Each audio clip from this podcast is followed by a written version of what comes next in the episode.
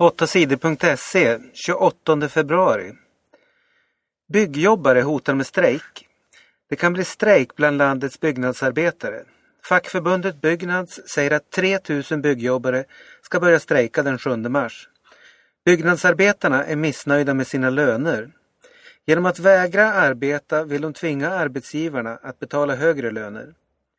Byggfacket vill att lönerna ska höjas med 3,5 procent. Om facket och arbetsgivarna inte kommer överens blir det strejk på 120 byggarbetsplatser. Byggjobbare tjänar mycket mer än städerskor och sjukvårdsbiträden. Men kvinnorna i fackförbundet Kommunal stöder ändå byggjobbarnas strejk. De stöttar oss och därför stöttar vi självklart dem, säger Kommunals ordförande Lenita Granlund.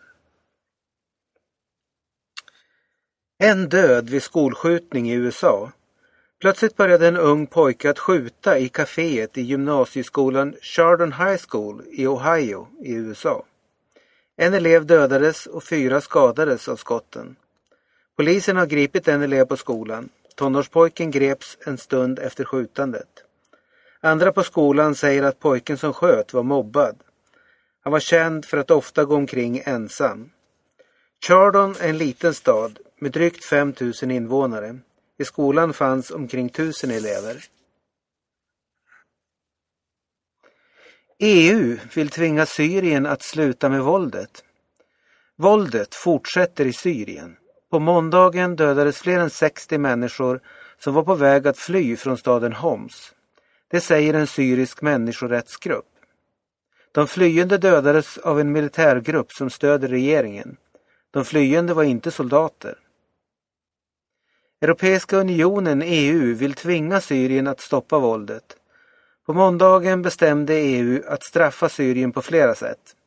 Inga lastfartyg från Syrien ska ta emot i EUs hamnar.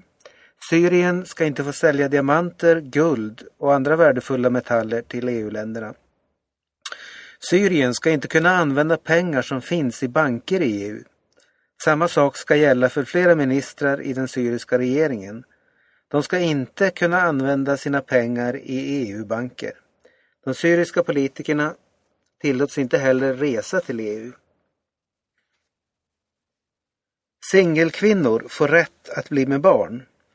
De par som inte kan bli med barn kan få hjälp av staten. Kvinnan kan få hjälp att bli gravid med spermier eller ägg från andra människor. Men det här har bara gällt gifta par eller sambor, inte ensamstående. Många svenska kvinnor har åkt utomlands för att där få hjälp med att skaffa barn. Det har kostat mycket pengar, men nu har alla regeringspartier utom Kristdemokraterna kommit överens. Ensamstående kvinnor ska också få rätt att bli med barn.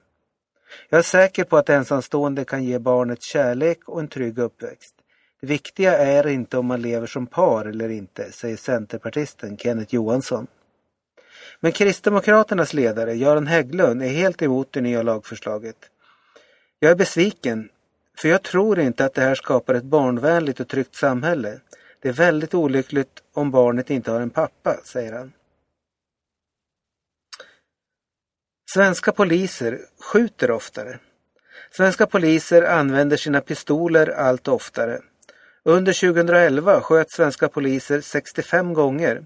Det är dubbelt så många som året innan. Vad ökningen beror på vet polisen inte. Det finns ingen bra förklaring, säger Rikspolisstyrelsen. Johannes Knutsson på Polishögskolan tycker att det är dåligt att Rikspolisstyrelsen inte tar reda på varför poliser börjat skjuta mer. Det är allvarligt. Det är viktigt att vi får reda på varför skjutningarna ökar, säger han. Vladimir Putin skulle mördas. Till helgen är det presidentval i Ryssland. På måndagen avslöjade en rysk tv-kanal att tre män planerat att mörda presidentkandidaten Vladimir Putin. De tre männen säger att de skulle spränga Putins bil med en bomb. De säger att de fått uppdraget att döda Putin av terroristen Duko Umarov. De tre männen greps i Ukraina när de höll på att tillverka en bomb. Alla tror inte på tv-kanalens rapport. De misstänker att Putin och den ryska säkerhetspolisen luras för att öka Putins chanser i valet.